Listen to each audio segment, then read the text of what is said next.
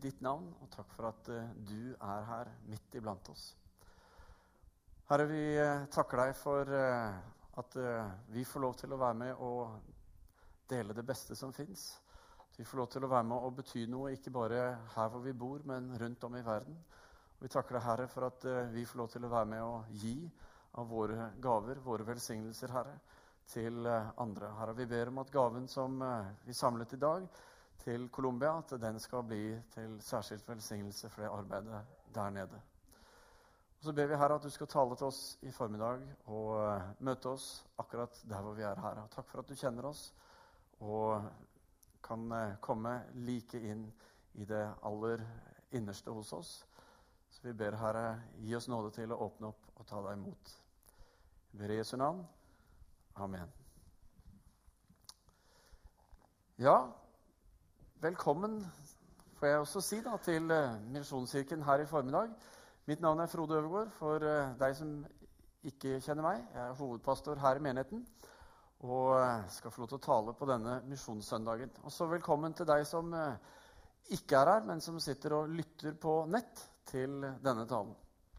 I dag er det altså misjonssøndag her i Misjonskirken. Og kan jo fort lure på er det ikke, Burde ikke være det hver eneste søndag?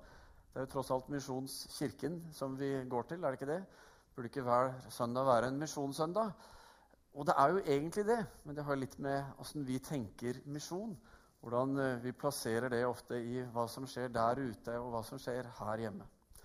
Men det leder oss i hvert fall over i spørsmålet om hva misjon egentlig er. Og det er mange gode svar på det. Men jeg tenker om misjon at det er en bevegelse fra Gud og til mennesker.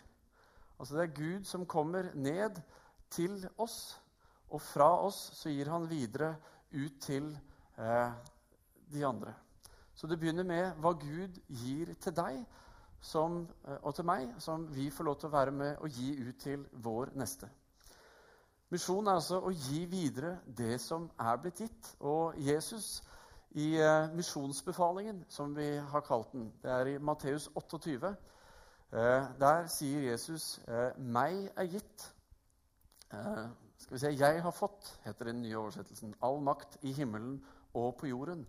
Gå derfor og gjør alle folkeslag til disipler. Døp dem til Faderens og Sønnens og Den hellige ånds navn, og lær dem å holde alt jeg har befalt dere. Og se, jeg er med dere alle dager inntil verdens ende. Jesus sier 'jeg har fått', og han sier eh, Gå derfor ut. Og han sier, og se, jeg er med dere. Det ble gitt, ble gitt, til Jesus, og han ga det videre til oss. Og så eh, ber han oss om å gi det videre til vår neste. Om vi tar hele den kristne tro, hele Guds gjerning, alt det Gud har gjort gjennom Jesus Kristus, så eh, handler det hele om nettopp dette. Det er dette som er misjonen, å bringe eh, det som ligger på Guds hjerte, inn i menneskers liv i dag.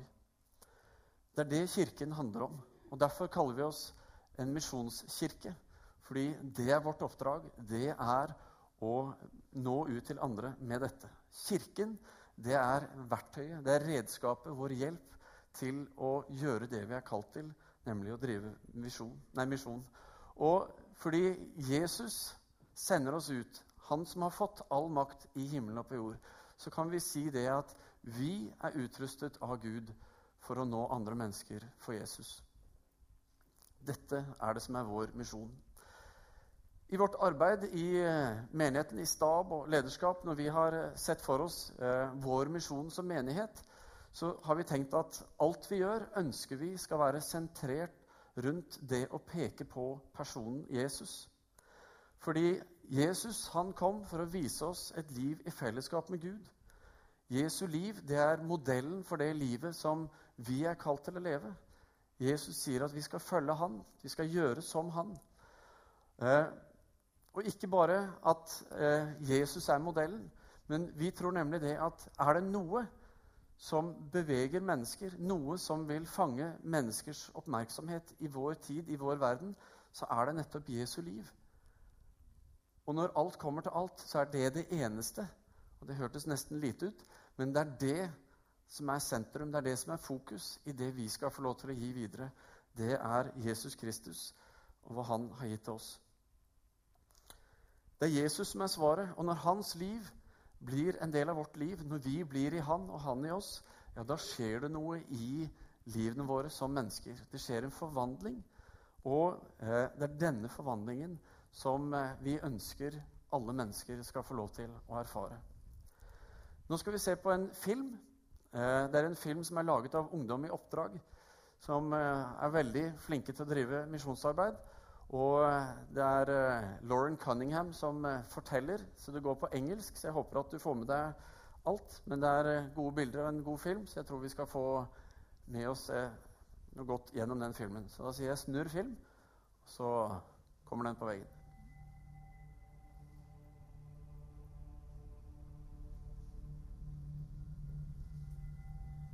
In the beginning, God created man in his own image. He walked with man in the cool of the Eden, but sin interrupted that union. So God created the missionary.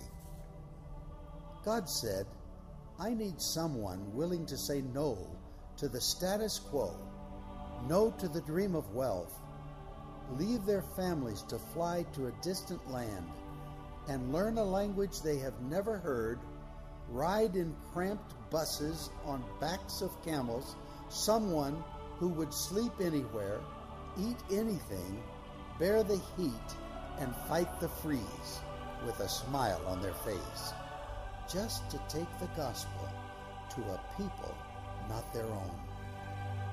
So God created the missionary. God said, because the harvest is plentiful, I need someone ready to sow the seed, to plow the ground, water the seed, and reap the harvest which is ripe. Someone to go and train, to multiply the crops, and to answer the call and pay the price. So God created the missionary. God said, I need someone who is a radical servant of all, taking the lowliest job, washing the feet of the poor, caring for the sick, and cleaning their wounds. I need someone to visit the prisoner, care for the widow and the orphan, to sit in the dust with a child and tell them that they are loved. So God made a missionary.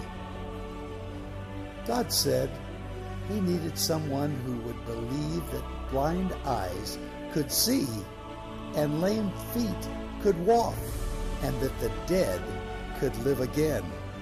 Someone who would pray long hours and intercede through the night with wordless groans of petition so that one soul might be saved.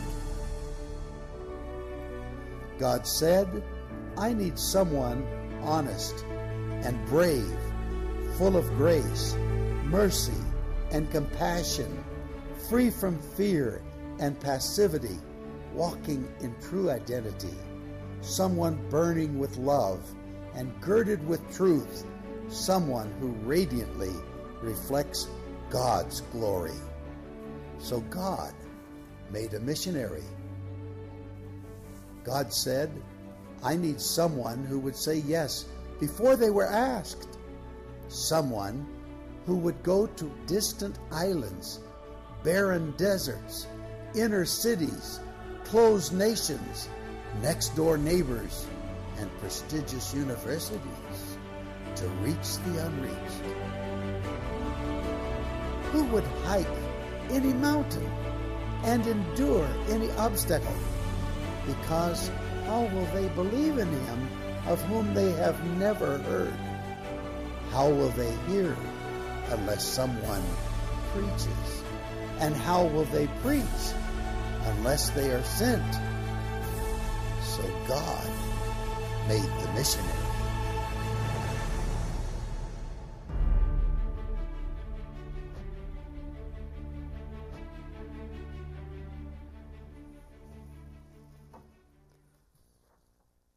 Syns denne filmen gir et godt bilde av eh, hva det kreves av en misjonær, og hvorfor vi skal sende ut misjonærer.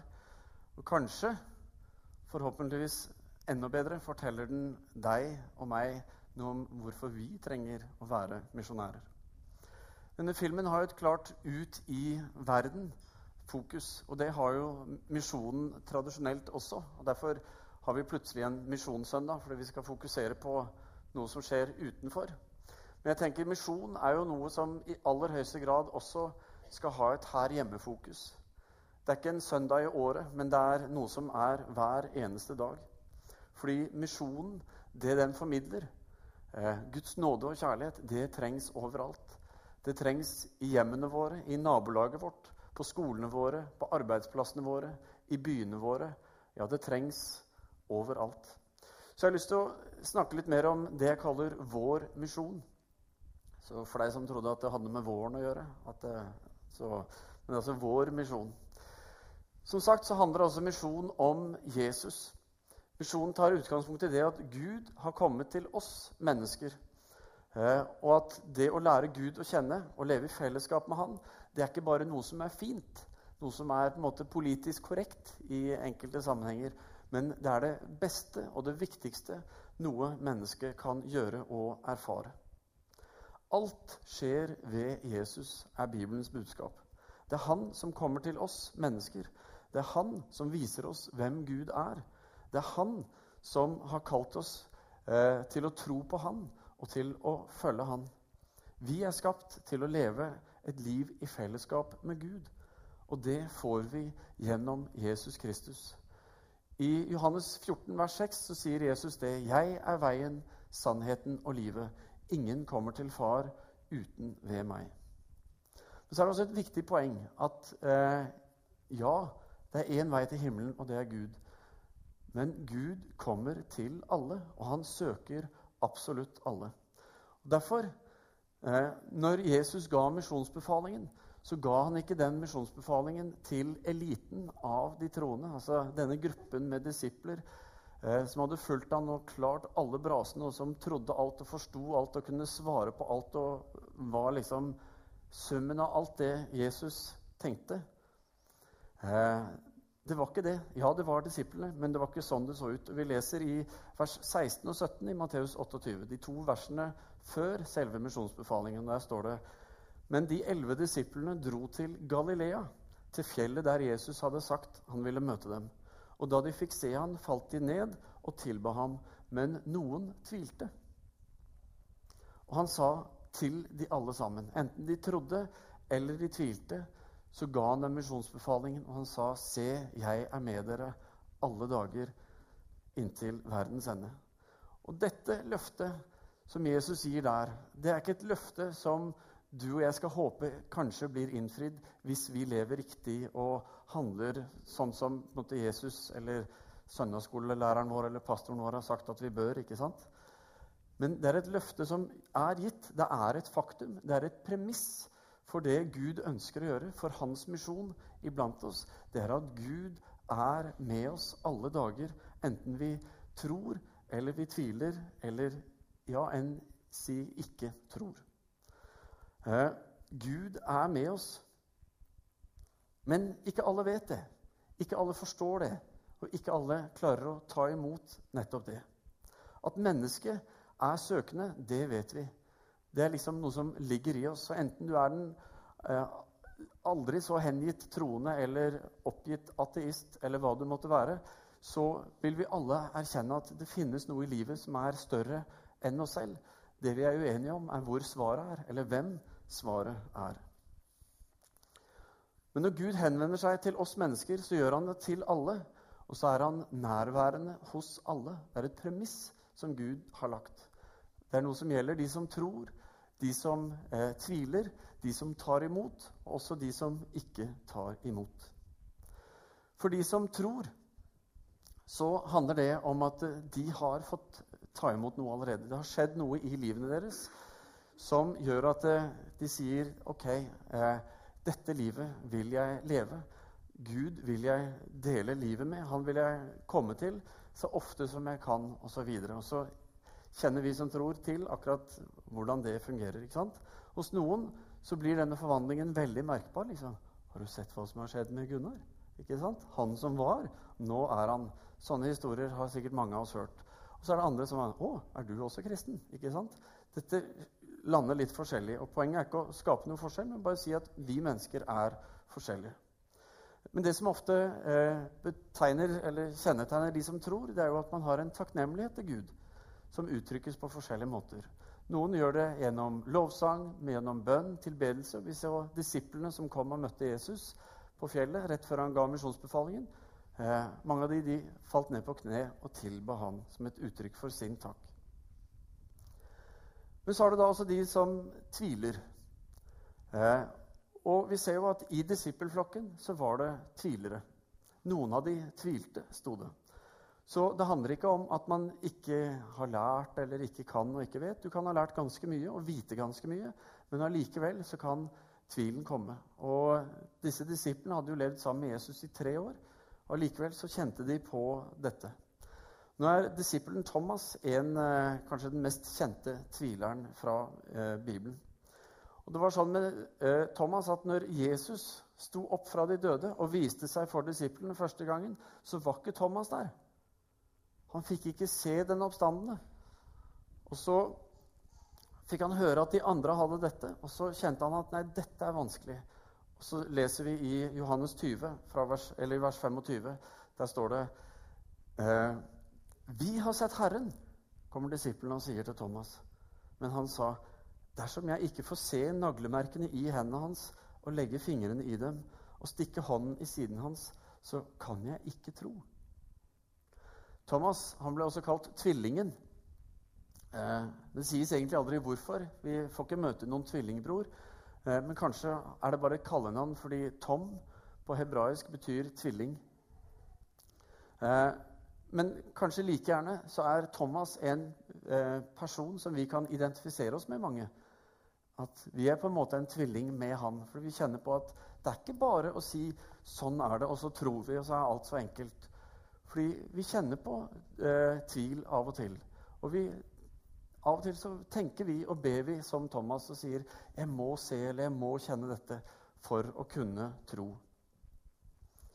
Og eh, så ser vi det at åtte dager senere, når Jesus kommer igjen eh, og treffer disiplene, og Thomas er der, så ser vi at Jesus han henvender seg spesielt til Thomas, som om han vet, og det gjør han, hva Thomas egentlig har sagt, og hva som finnes inni Thomas. Og da sier Jesus til ham, 'Kom med fingeren din.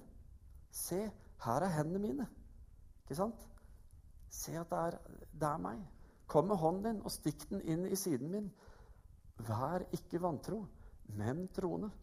Jesus så tvileren Thomas. Han forsto han, og han viste omsorg for han.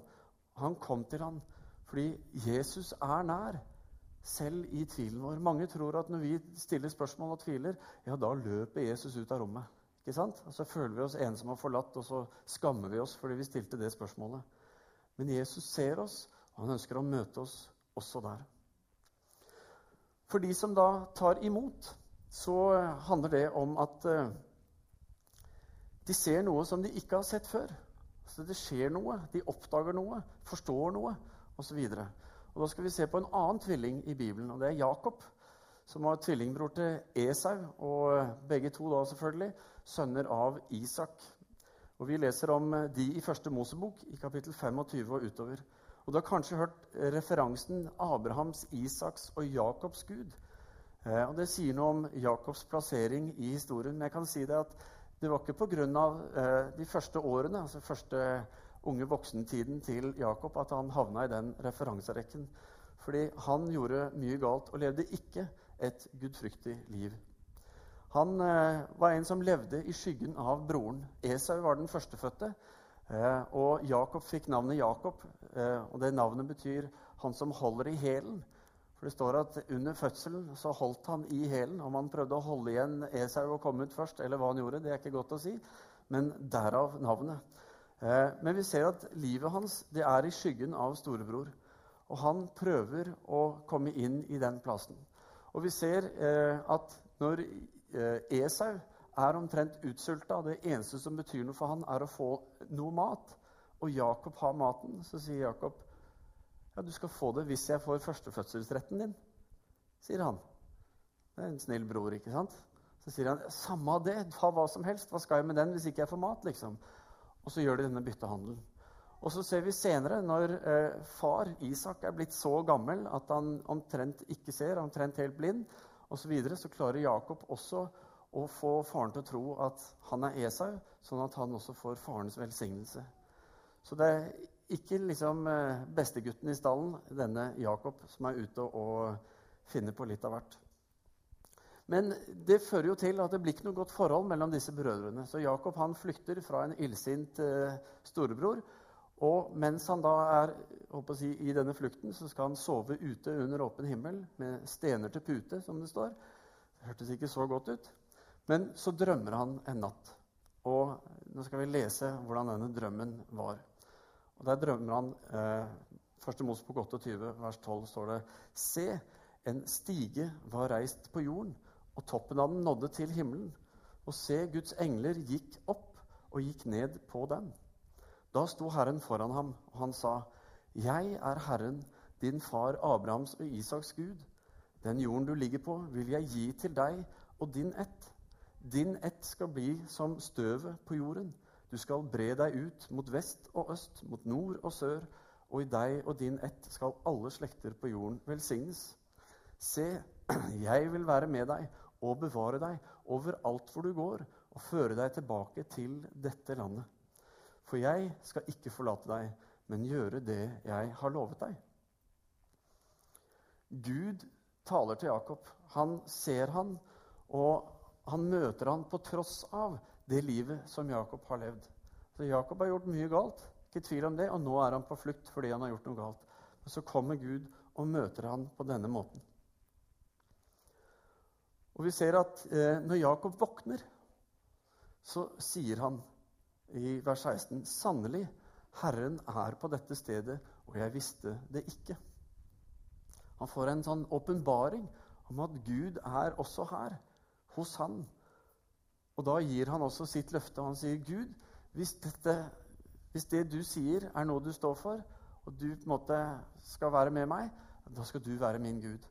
Da begynner et nytt kapittel. Og på en måte kan du si Det er der Jakob gir sitt ja og sier, 'Gud, jeg vil følge deg.' Og så forvandles hans liv, og så havner Jakob inn i denne eh, referanserekken på hvem Gud er det vi snakker om. Abrahams, Isaks og også Jakobs Gud. Fordi Gud var eh, trofast og fulgte Jakob hele veien. Og så, for de som da ikke tar imot, så tenker jeg først og fremst så handler det om at vi ikke har lyktes med å formidle vår misjon. Vi har ikke lyktes med å formidle hvem Gud er hvordan Hans nåde er for alle mennesker, og hva er det Gud faktisk har gjort for mennesker.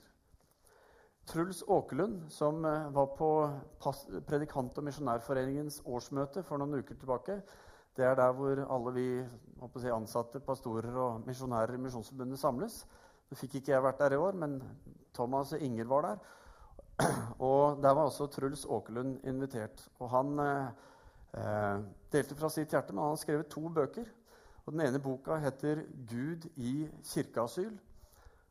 Og Det er en bok som snakker om Kirken som holder Gud for seg selv. Hvor Gud er en som hører til innenfor Kirkens fire vegger. Eh, og det er her Gud erfares.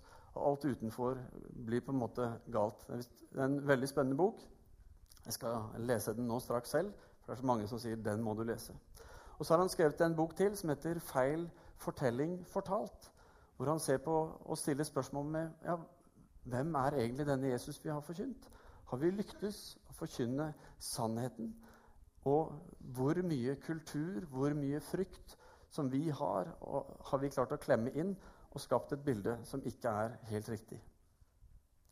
For jeg tror at Jesus er den viktigste og den beste som vi noen gang kan bli kjent med. Og jeg tror at når vi lykkes med å formidle Han sant og rette mennesker, så tror jeg at eh, det er få av de som vil si nei, dette trenger ikke jeg.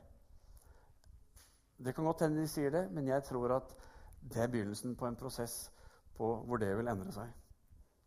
Men så er det sånn at når vi ikke kjenner godt nok selv, så blir vi sittende med et litt haltende bilde.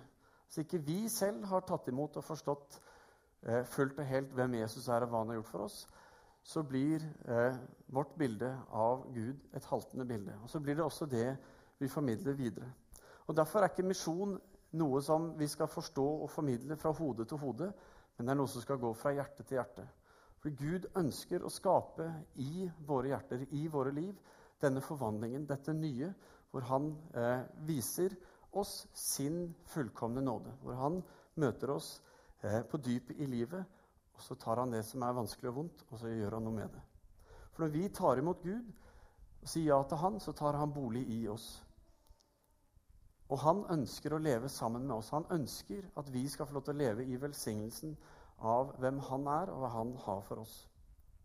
Og dette tror jeg er noe vi aldri kan bli ferdig med å utforske. Noe som alltid er viktig for oss. Og jeg tror også på at vi trenger å tilrettelegge i våre egne liv, sånn at ikke vi ikke glemmer det. At vi ikke eh, Gud bare blir en som er der når vi trenger han. Derfor har vi bl.a. i Misjonskirken så har vi dette som heter Misjonskirkens 1, 2, 3. Som ikke er et sånn krav til alle 'dette må du', men det er et hjelpemiddel for hvis du går på gudstjeneste, hvis du er med i en gruppe, hvis du er med og tjener andre, så eh, plasserer du deg selv på et sted hvor du både får ta imot, hvor du får dele liv med andre, hvor du får eh, gi av deg selv, og hvor du blir avhengig av at Gud kommer og taler og bruker deg i ditt liv og din hverdag. Og det tror jeg er viktig. For Gud har steget ned, og han har gjort noe helt fantastisk som han ønsker å gi eh, til oss, og som han mente skulle være en kilde til velsignelse i våre liv, enten dagene våre er gode eller de er onde. Fordi troen den gir nemlig et nytt perspektiv. Den tilgir, den redder, den forløser, den setter i frihet, den tar vekk det onde, den helbreder det syke, den fjerner skammen, den gir styrke i sårbarhet, den gir kraft i svakhet, den reiser opp det som er sunket ned eller falt sammen. Eh, Gud skaper noe nytt, og det er det han ønsker å gjøre i ditt og mitt liv. Han tar det som er gammelt, og gjør det nytt. Han tar det som er eh, knust, og gjør det helt. Det som er sykt, og gjør det friskt. Det som er dødt, det gir han nytt liv. Gud kommer til alle. Og det er min overbevisning at ingen er diskvalifisert. Ja, vi kan diskvalifisere oss selv og hverandre, men fra Guds side så er jeg overbevist om at han ser og kommer til alle. En ung gutt som het Andreas, og søsteren hans Renate de skulle få lov til å ha et par uker av ferien sin om sommeren hos mormor og morfar. Mormor og morfar de hadde et gårdsbruk litt ute på landet. Og det var det perfekte stedet for Andreas og det nye leketøyet hans. Fordi Andreas hadde fått seg en sprettert. Og på, et, eh, på, en gård er det mange muligheter til å prøve den.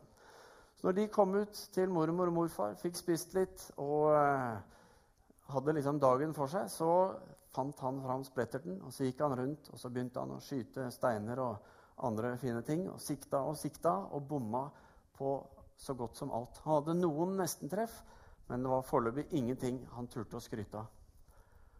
Og så plutselig så ser Andreas på andre sida av tunet så ser han gåsa til mormor. Og Uten å tenke seg veldig om så plukker han opp en stein og så spenner han til spretter den, Så slipper han, og så, og så detter gåsa rett i bakken. Han står der helt sjokkert. bare, Hva i all verden? Jeg traff! Oi, hva skjedde nå? Og så løper han bort, og så står han og ser på denne gåsa, som er død, ikke som en sild, men som en gås. Eh, og så tenker jeg, hva verden gjør jeg nå? Så I kaoset så bare tar han tak i gåsa og så løper han rundt og bak låven og får gjemt den i noe kratt og under masse ting som han finner der. Og så tenker han, håper ingen så det. Men når han kommer rundt ut på tunet igjen, så ser han Renate. Hun står på andre siden av tunet.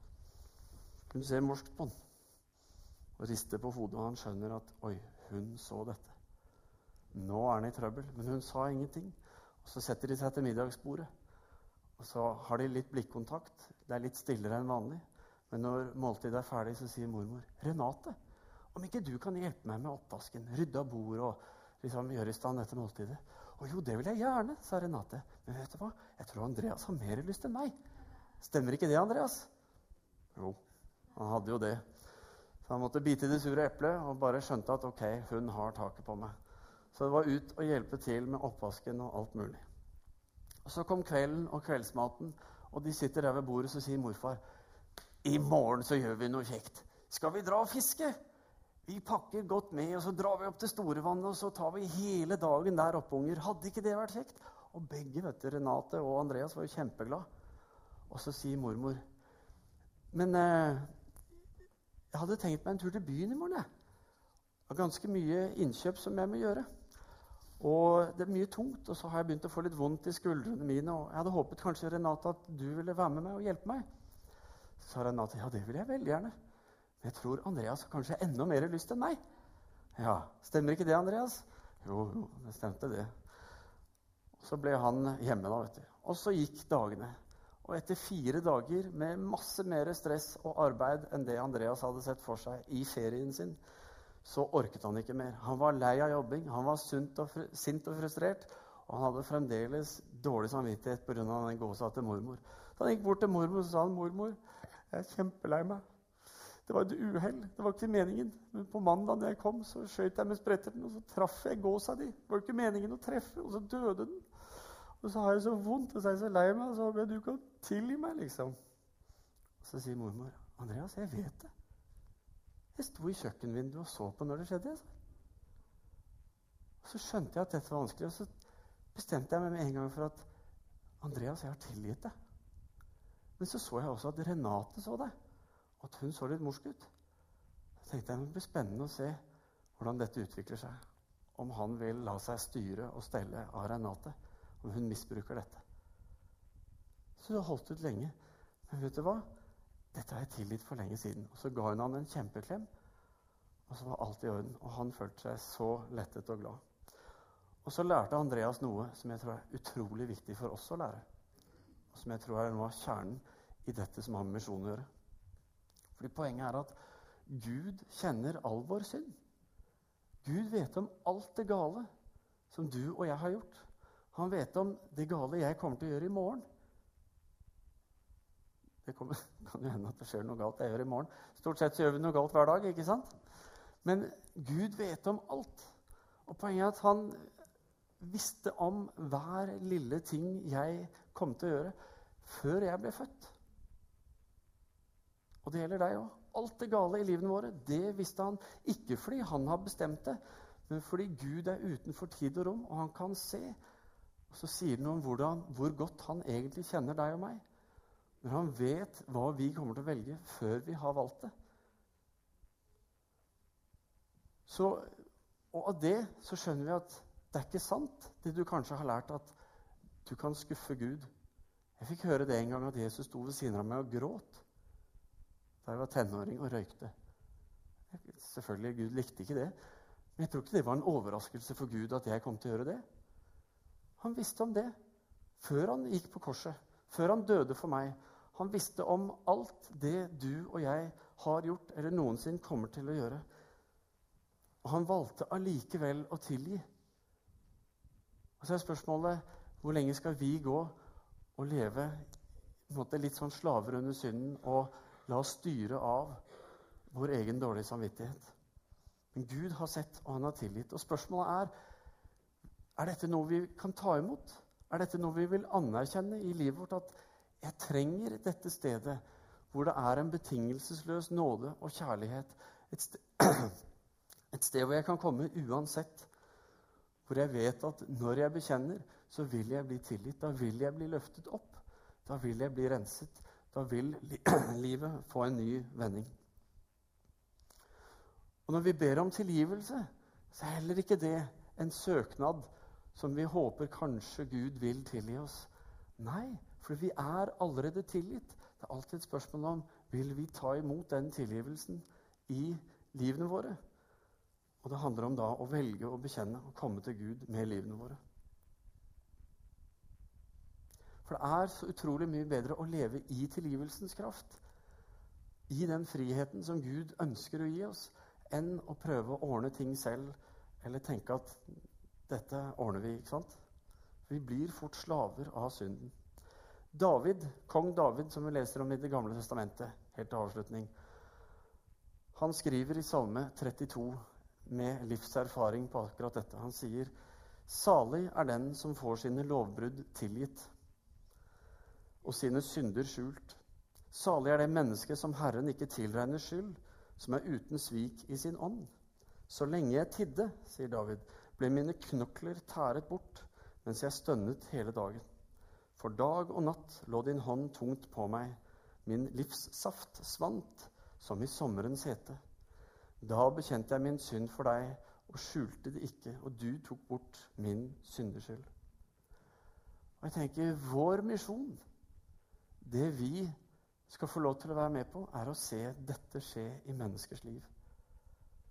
At Gud og mennesket, denne bevegelsen fra Gud til menneske, er noe som skjer. At foreningen, fellesskapet, er noe som får lov til å komme tilbake til det Gud hadde skapt det til. Hvor vi får leve i kraft av Hans nåde og tilgivelse. Det handler ikke om hva du og jeg får til, men det handler om hva Han allerede har gjort. At det er det vi skal formidle. Og det er det beste, det mest fantastiske i verden. Så ikke slå deg selv i hjel fordi du ikke er god nok, men vit at du er det. I Guds øyne så er du uvurderlig. Og det er blitt sagt at om det bare var deg, så ville Gud allikevel gått til korset og gått til døden for deg. Han gjorde det for alle. Han gjorde det for deg, og han gjorde det for meg. Og dette skal vi få gi videre. Og dette skal vi få ta imot. Dette skal få lov til å være bærebjelken i våre liv. Og så Jo mer vi kan eie dette, jo mer kan vi også gi det videre. Skal vi be. Kjære himmelske Far, takk for at uh, du kommer til oss med en nåde så ufattelig stor, så ufattelig rik. Og så uh, venter du ikke at vi skal være så og så flinke eller ha gjort så og så mye. Men du forteller oss, Herre, se, dette har jeg gjort. Og så spør du, er dette noe du vil ta imot? Vil du at denne nåden, vil du at uh, denne friheten som jeg ønsker å gi deg, som jeg ønsker at du skal få leve i, er det noe du trenger? Og så får vi lov til å forholde oss til det. Og så be deg, Jesus at du skal hjelpe oss å se og forstå hva dette er. Ikke bare så at vi skal bli flinkere, men at vi skal få en større forståelse i vårt eget liv. Og at når vi eh, gir videre sannheten om hvem du er, når vi eh, er med på å bringe budskapet videre ut. Dele våre liv, våre erfaringer med våre venner og naboer og kolleger her. Så skal vi få lov til å gi et enda bedre og sannere bilde av hvem du er. Slik at det er din nåde, det er ditt liv. Det ikke er vår frykt for at eh, teologien vår ikke skal holde. Eller eh, vår kultur som har lært oss at eh, sånn og sånn. Men Herre, Takk for at du kommer til hver enkelt. Du kommer til den som sier ja i dette øyeblikk, og sier ja, Herre, jeg vil tro på deg. Ikke fordi vi forstår, men fordi vi ser at dette er noe jeg trenger i mitt liv. Du kommer til den som har gått og følt seg dårlig lenge, og så tar du bort den dårlige samvittigheten, og så tilgir du, og så renser du og setter fri. Herre, takk for at du møter oss alle, og at ingen er diskvalifisert. Men du har det absolutt beste og viktigste. Og vi får lov, Herre, til å både eie det og gi det videre. Herre, hjelp oss. Åpne opp våre øyne, Herre, sånn at vår misjon ikke bare er noe som skjer i kirka, men det er noe som skjer i våre hjerter. Det er noe som får vokse fram i oss og vokse ut gjennom våre liv, Herre. Til din ære og til velsignelse og evig liv for mange mennesker, Herre, rundt oss. Takk for din fantastiske gave. Vi priser deg, Herre, i Jesu navn. Amen. Skal vi få en sang og en film på veggen?